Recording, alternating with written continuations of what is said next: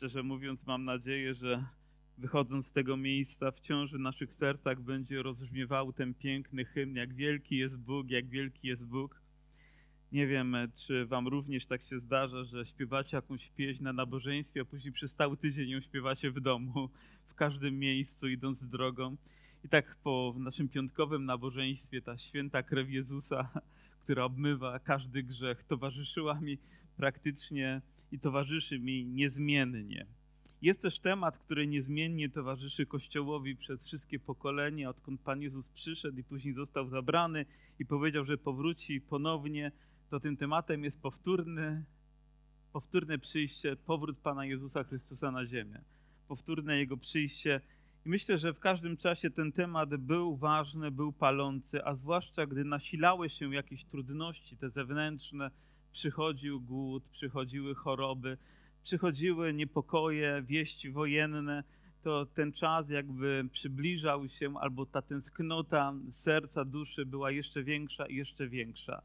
W minionym czasie w rodzinnej atmosferze mogliśmy spędzić święta, ale rozmawiając z moją starszą córką, chyba po raz pierwszy usłyszałem od niej słowa, mówi, tato, chciałabym, żeby Pan Jezus już przyszedł. Wiecie, kiedy słyszy się takie słowa od dziecka, które ma 30 tam lat z groszami, to człowiek rzeczywiście jest dotknięty tą świadomością, że już, już każdy oczekuje przyjścia Pana Jezusa Chrystusa.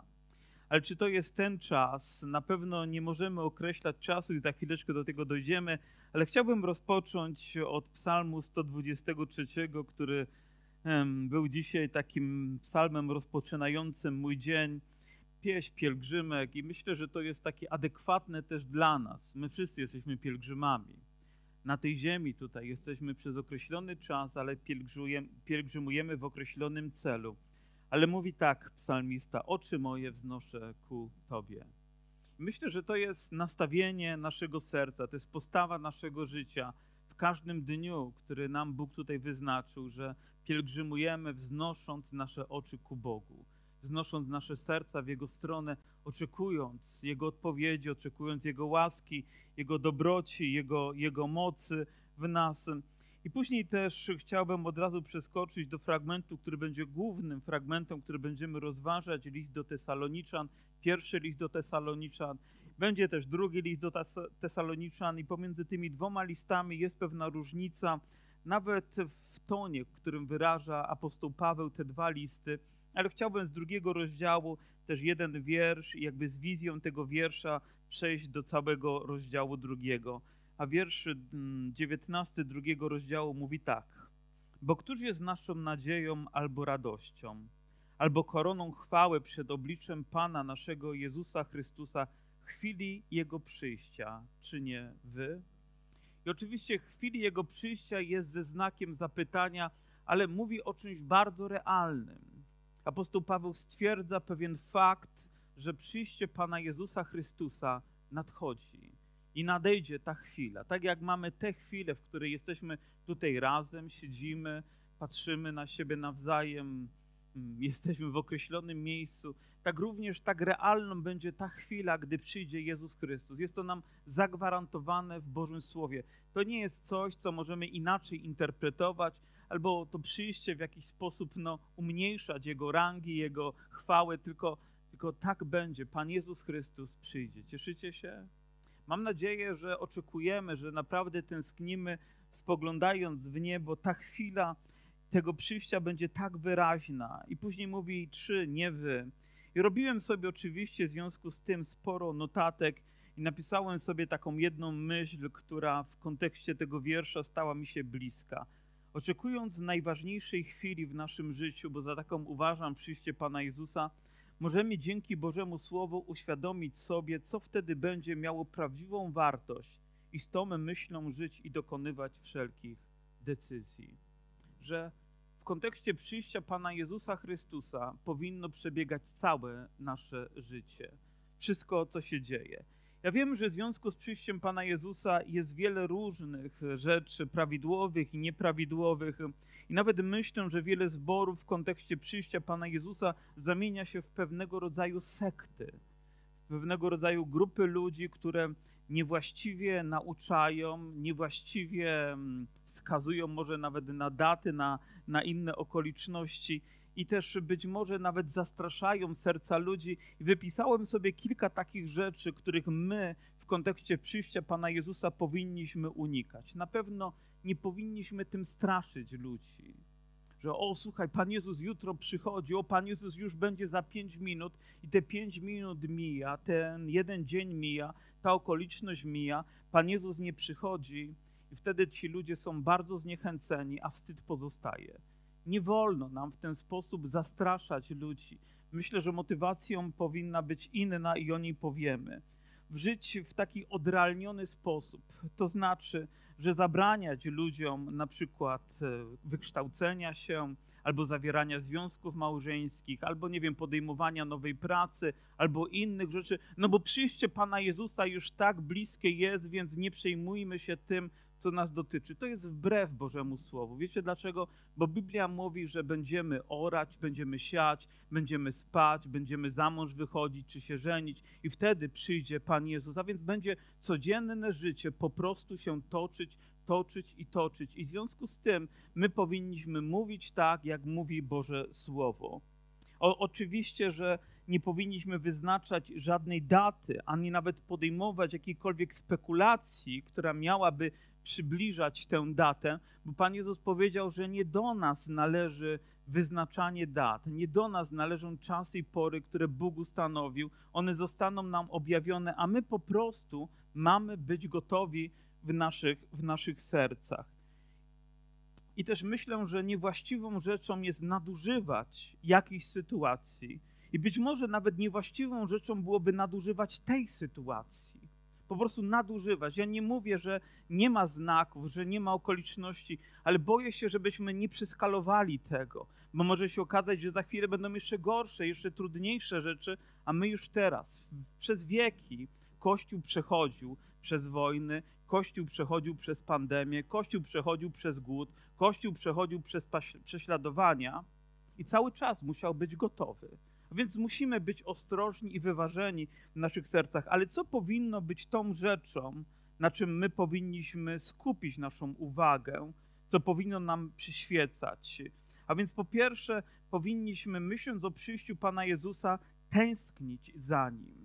Naprawdę w naszych sercach powinno być to głębokie, głębokie pragnienie, a ludzie powinni to zobaczyć jak bardzo tęsknimy, że bardziej tęsknimy za przyjściem Pana niż za życiem w tym świecie. I ludzie to zobaczą, jak blisko jesteśmy, jak realnie jesteśmy zaangażowani w życie z Bogiem.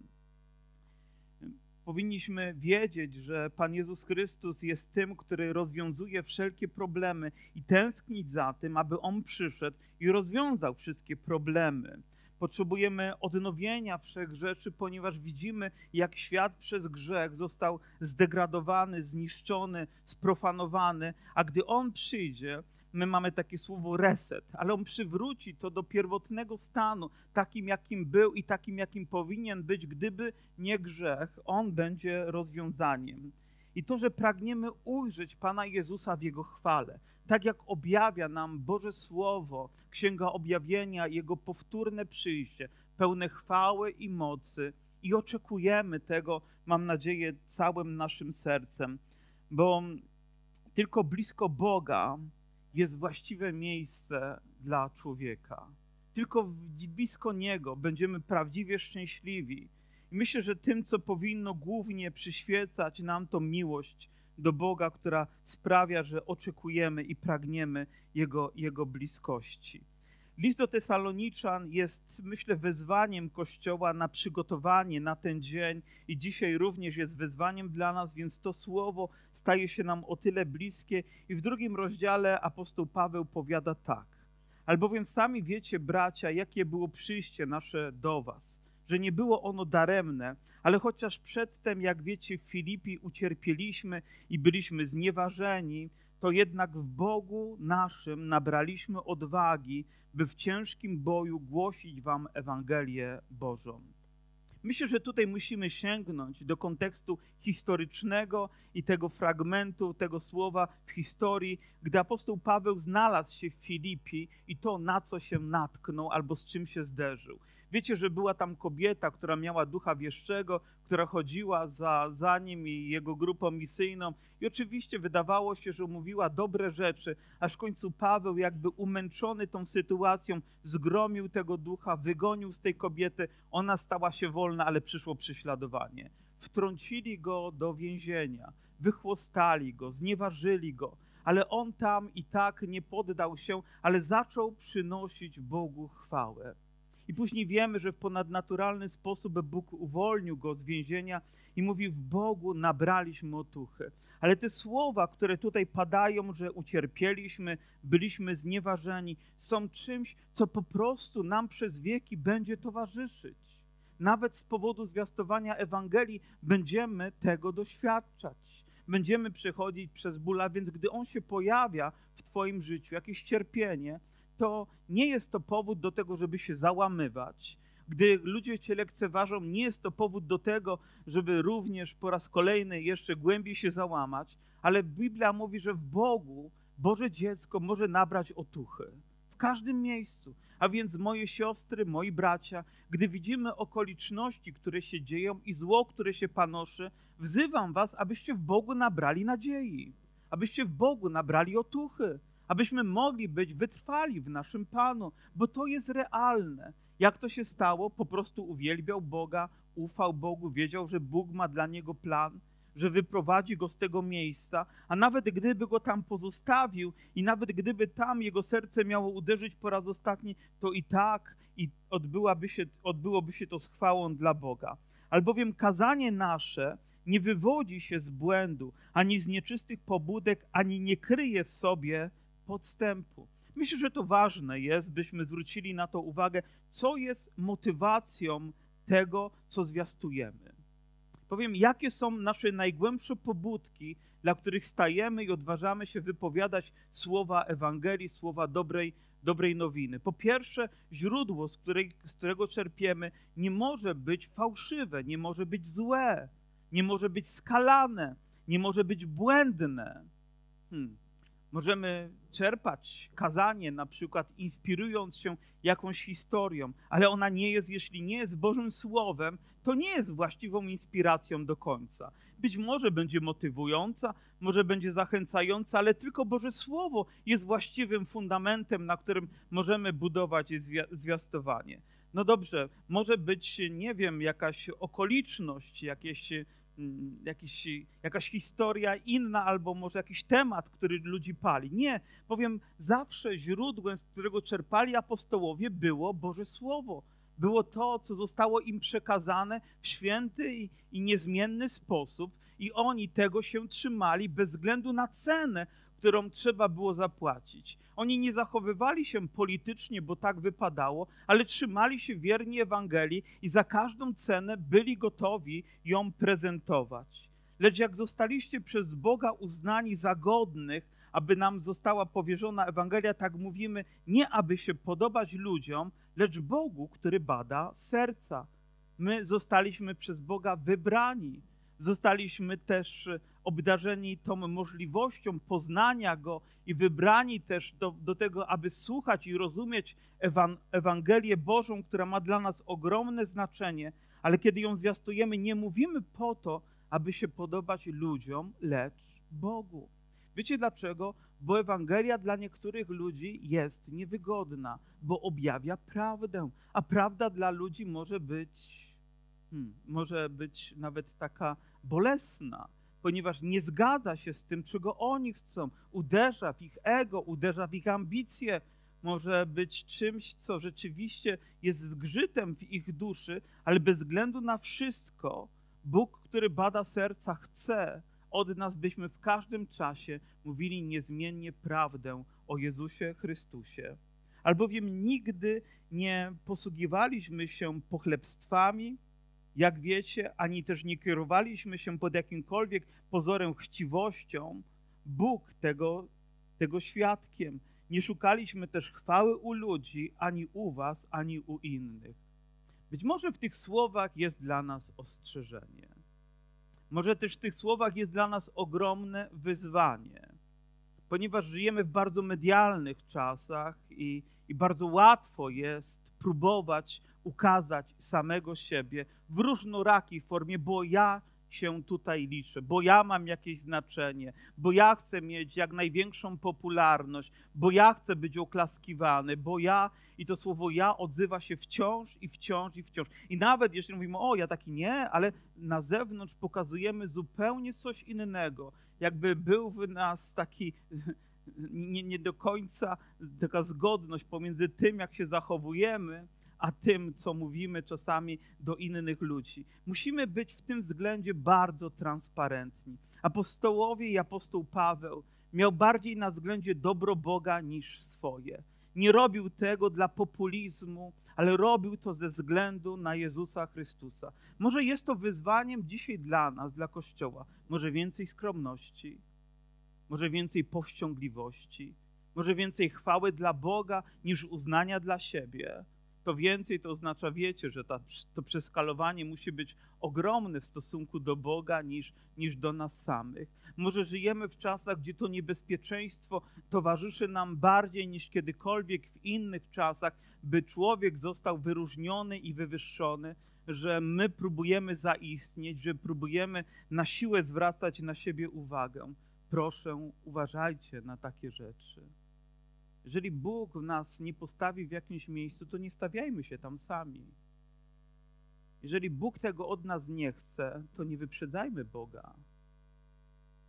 Jeżeli Pan zechce, to On rzeczywiście znajdzie sposób po to, aby wywyższyć swojego sługę w tym znaczeniu, że postawić go w miejscu, gdzie będzie mógł zwiastować Ewangelię. Ale gdy zejdzie ze sceny, mam nadzieję, że zachowa pokorę i powściągliwość w swoim, w swoim sercu nie szukaliśmy chwały u ludzi.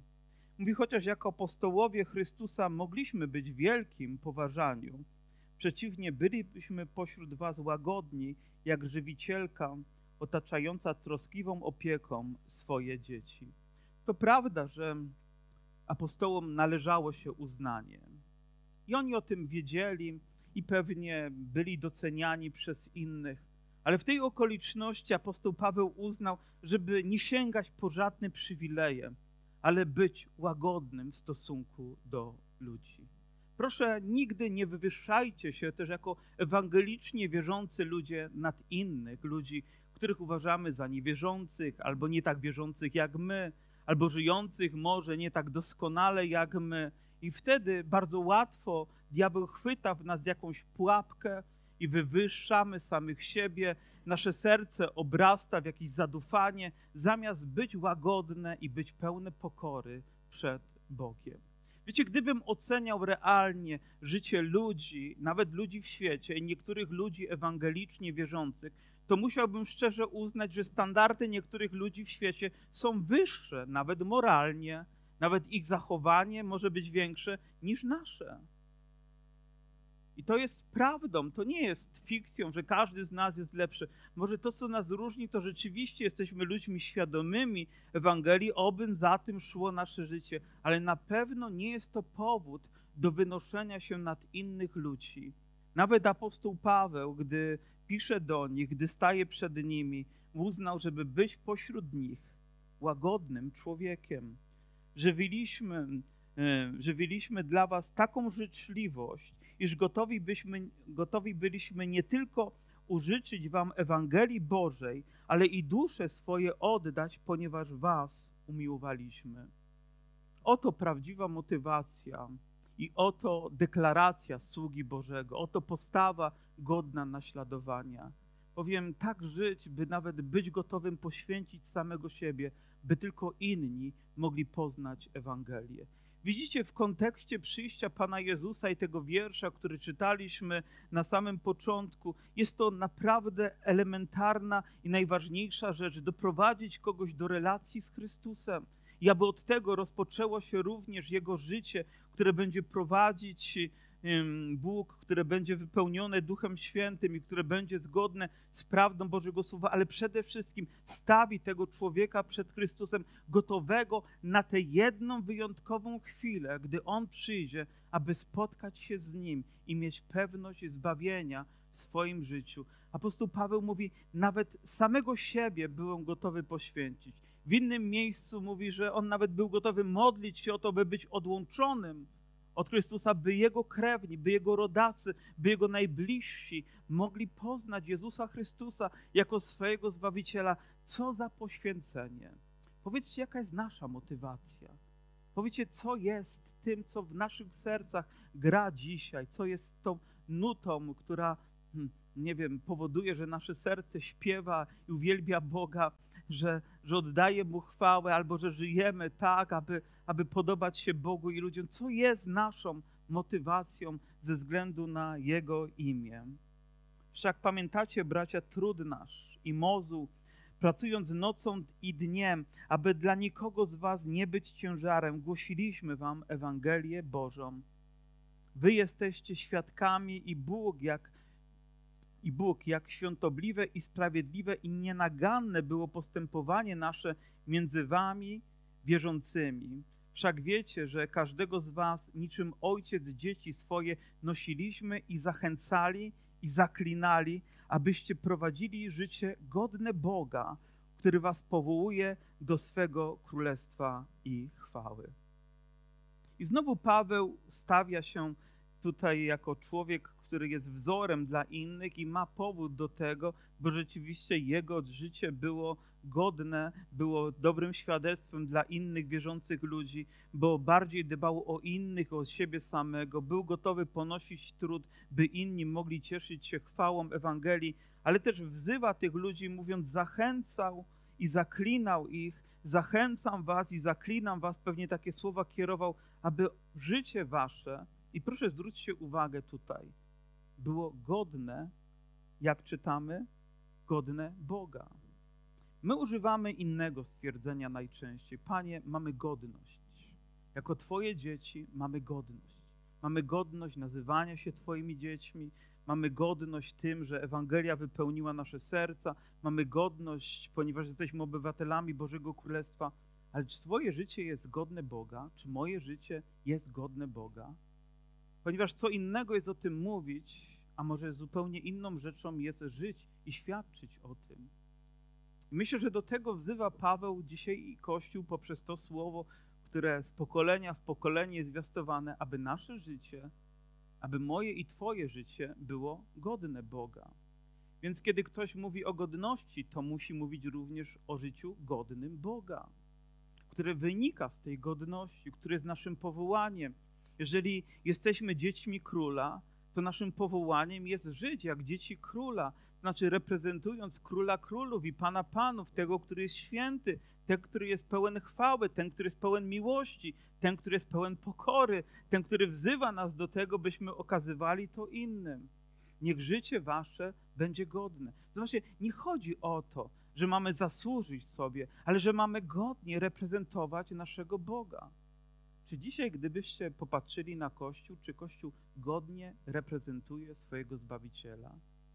Czy słowa, które mówimy, czy nawet pieśni, które śpiewamy, czy to jak je śpiewamy, czy to jak się zachowujemy w pracy, czy to jak się odnosimy do siebie w kościele, czy to jak się odnosimy do siebie w relacjach rodzinnych, czy to jak poświęcamy samych siebie dla siebie, jest tym wzorem, który moglibyśmy określić, że jest godne naszego Boga, jest życiem godnym naszego Zbawiciela. Czy nie myślicie, że w czasach ostatecznych ma to wartość? Że to dzisiaj dla nas ma tak ogromne znaczenie, że ktoś patrząc na nas powinien bardziej widzieć w nas Chrystusa niż nas jako nas, że my powinniśmy tak bardzo być gotowi uniżyć samych siebie. Przy to i my dziękujemy Bogu nieustannie, że przyjęliście Słowo Boże, które od Was które od nas słyszeliście, nie jako słowo ludzkie, jak jest prawdziwie jako słowo Boże, które też w Was wierzących skutecznie działa. Rzeczywiście znowu powracamy do tego, co jest fundamentalne, że Paweł wiedział, że tym, co działa w życiu człowieka, to jest Boże Słowo, które zostanie tam umieszczone w mocy Ducha Świętego. Że nawet gdy on pójdzie dalej, to to Słowo Boże będzie w nich pracować, że to zaszczepione ziarno w ich sercach zacznie kiełkować i w określonym czasie przyniesie owoc i to wielokrotny owoc dla chwały Boga. I myślę, że tak jest z pokolenia w pokolenie, że gdzieś ktoś usłyszał Ewangelię. Słyszałem o człowieku, który na początku gdzieś XIX czy XX wieku usłyszał Ewangelię, pojechał nawet in, w inne miejsce, ale tam to słowo kiełkowało, dojrzewało i przynosiło owoc, a to powodowało, że te ziarna padały dalej i znowu Boże Słowo, Boże Słowo przynosiło owoc. Myślę, że niczego bardziej przez wieki diabeł się nie bał jak Bożego Słowa, dlatego je niszczył, palił, próbował umniejszać, próbował podważać, próbował przeinaczać, byle tylko ono nie docierało do serc ludzi, byle tylko nie zostało umieszczone w ich rękach i w ich sercach, bo wiedział, jaką ma potężną moc zmiany życia człowieka. Pewnie słyszeliście mnóstwo świadectw, gdzie ludzie w więzieniu, nawet nie słuchając kazań, gdzieś dostali Nowy Testament, a niektórzy nawet jedną kartkę z Nowego Testamentu, ale czytając to Boże Słowo, ono już zaczęło w nich tak działać, że ich życie zaczęło się zmieniać, ponieważ Pan używa swojego słowa wciąż i wciąż, wciąż i wciąż niezmiennie. I dlatego niezmienną rzeczą dla nas jest również powracać do Niego i zwłaszcza dzisiaj nie inspirować się tylko wydarzeniami, historiami, ale Bożym Słowem. Do Niego Kościół powinien powracać, bo wtedy będziemy mieli gwarancję, że będziemy życie godne prowadzić Boga, że będziemy tymi, którzy realizują to poselstwo Bożego Królestwa i ono będzie skutecznie w nas działać. Albowiem wy, bracia, staliście się naśladowcami zborów Bożych, które są w Judei, w Chrystusie Jezusie, bo i wy doznaliście tych samych cierpień od swoich rodaków, jak i oni od Żydów, którzy Pana Jezusa zabili i proroków i nas prześladowali i Bogu się nie podobają i wszystkim ludziom są przeciwni, ażeby dopełnić miary grzechów swoich, przeszkadzają nam w zwiastowaniu poganom zbawiennej wieści, ale gniew Boży spadł na nich na dobre. Hmm. Straszne słowa, których używa apostoł Paweł, i nawet dziwimy się może, jak ma odwagę tak powiedzieć, że sprawiedliwie gniew Boży na kogoś spada z powodu tego, że przeciwstawia się Ewangelii i nawet powoduje to, żeby inni nie usłyszeli Ewangelii Bożej. Wiecie, przez lata życia w Kościele i zwiastowania Ewangelii zauważyłem, jak to jest, że, że diabeł jest tak sprytny w oszukiwaniu serc ludzi, że gdy jedna osoba słucha Ewangelii, to zaraz obok pojawia się inna, która próbuje ją jakby wykraść z serca człowieka.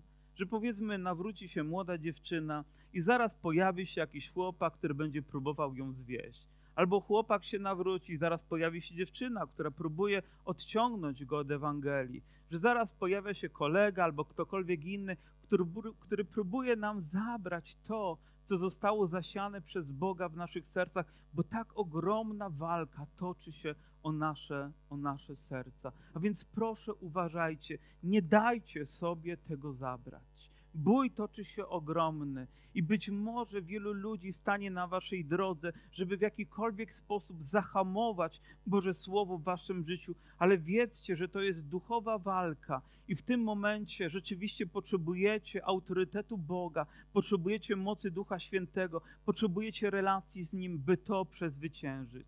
I może dzisiaj pojawią się w naszych okolicznościach życia i również na świecie ogromne przeszkody do tego, żeby zwiastować Ewangelię. Wiecie, dzisiaj już nawet mówienie o Ewangelii publicznie, mówienie prawdy o Ewangelii, mówienie tak Bożego Słowa, jak zostało zapisane, staje się niewygodne dla świata. Zaczynają pojawiać się prawa, które próbują to zakwestionować, które próbują umniejszać, próbują zmieniać słowa, które próbują zmieniać ich znaczenie, byle tylko wypatrzeć Ewangelię.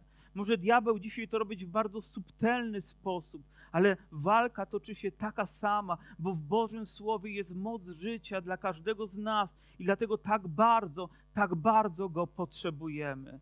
Wielu ludzi zna wszystko, co jest pomiędzy Bożym Słowem, a gdzieś kulturą, i jakim, zna jakieś zwyczaje, ale nie znają Ewangelii. Ja wychowywałem się przez lata w, w świadomości, że, że trzeba pewne liturgie tylko wypełniać, ale Boże Słowo było mi dalekie i obce. Aż umieszczono mały egzemplarz w moich rękach.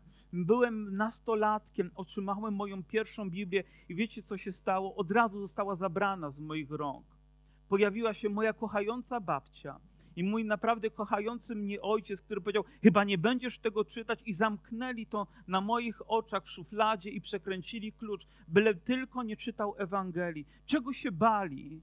Że ja będę czytał Ewangelię i poznam Jezusa, że będzie to wstydem dla nich, gdy ja odejdę z tradycji, gdy odejdę może od jakiejś liturgii, gdy w ich mniemaniu, nie wiem, zdepczę być może pokolenia wiary moich przodków ale przecież chodziło o poznanie Jezusa. Na szczęście, gdy byłem nastolatkiem, miałem już tą możliwość, że sam mogłem zacząć czytać Boże Słowo, odkrywać prawdę i dzięki temu dzisiaj tutaj jestem.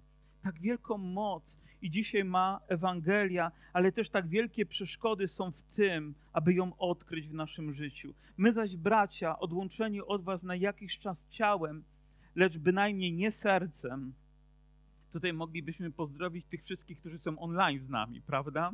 I z pewnością tacy tam są. Wiem, że braterstwo szafrańscy z powodu zaniemożenia ich ciała nie mogą tutaj być, ale pozdrawiamy, bo sercem jesteście razem z nami. Aleluja. I tym większym pragnieniem staraliście się ujrzeć, staraliśmy się ujrzeć wasze oblicze, dlatego chcieliśmy przyjść do was. Ja, Paweł, raz i drugi, ale przeszkodził nam szatan. Spójrzcie, jak realnie apostoł Paweł traktuje tego wroga jako kogoś, kto sprzeciwia się, by on mógł pójść i zanieść Ewangelię.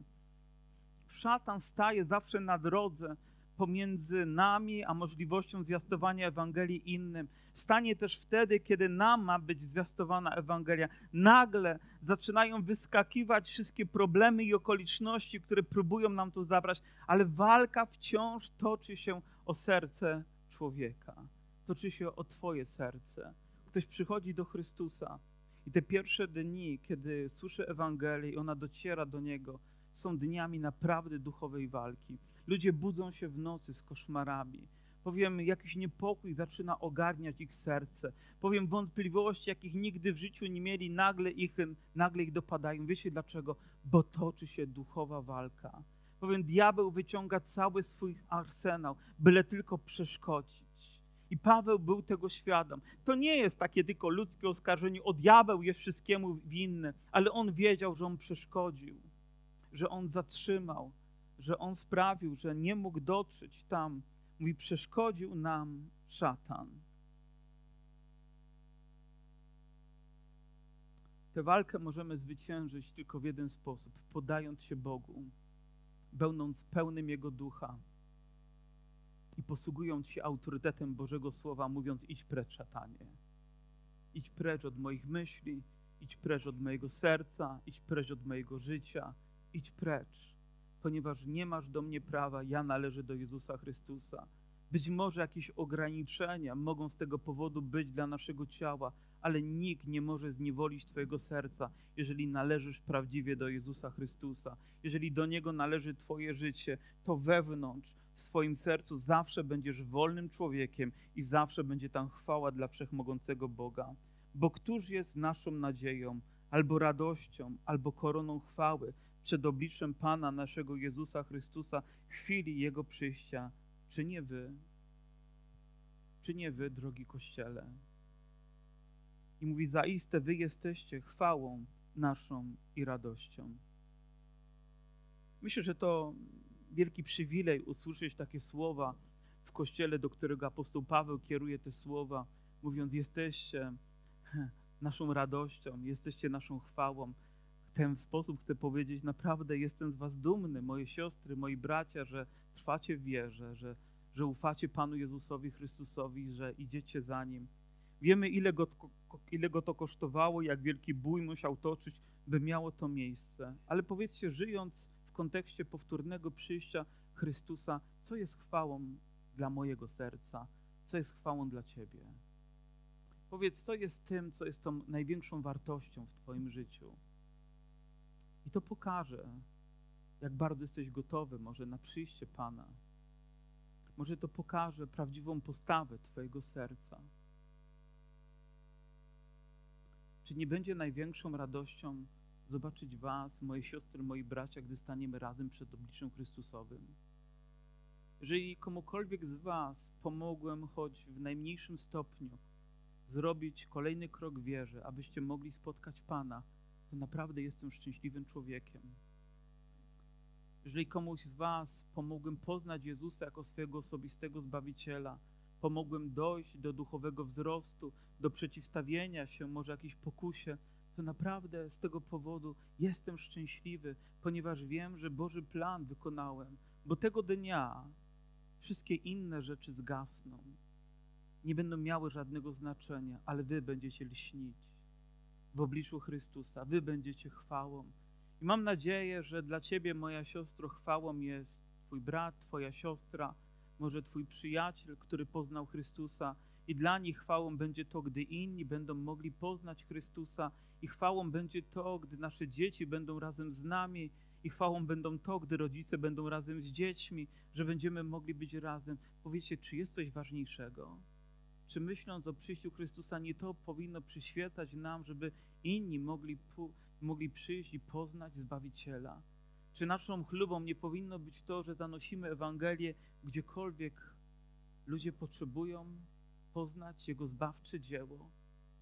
Jestem pewien tego, że gdziekolwiek byśmy zanieśli Ewangelię, i nawet gdyby był tam największy mrok, to gdy zapali się to światło, to życie tych ludzi się zmieni.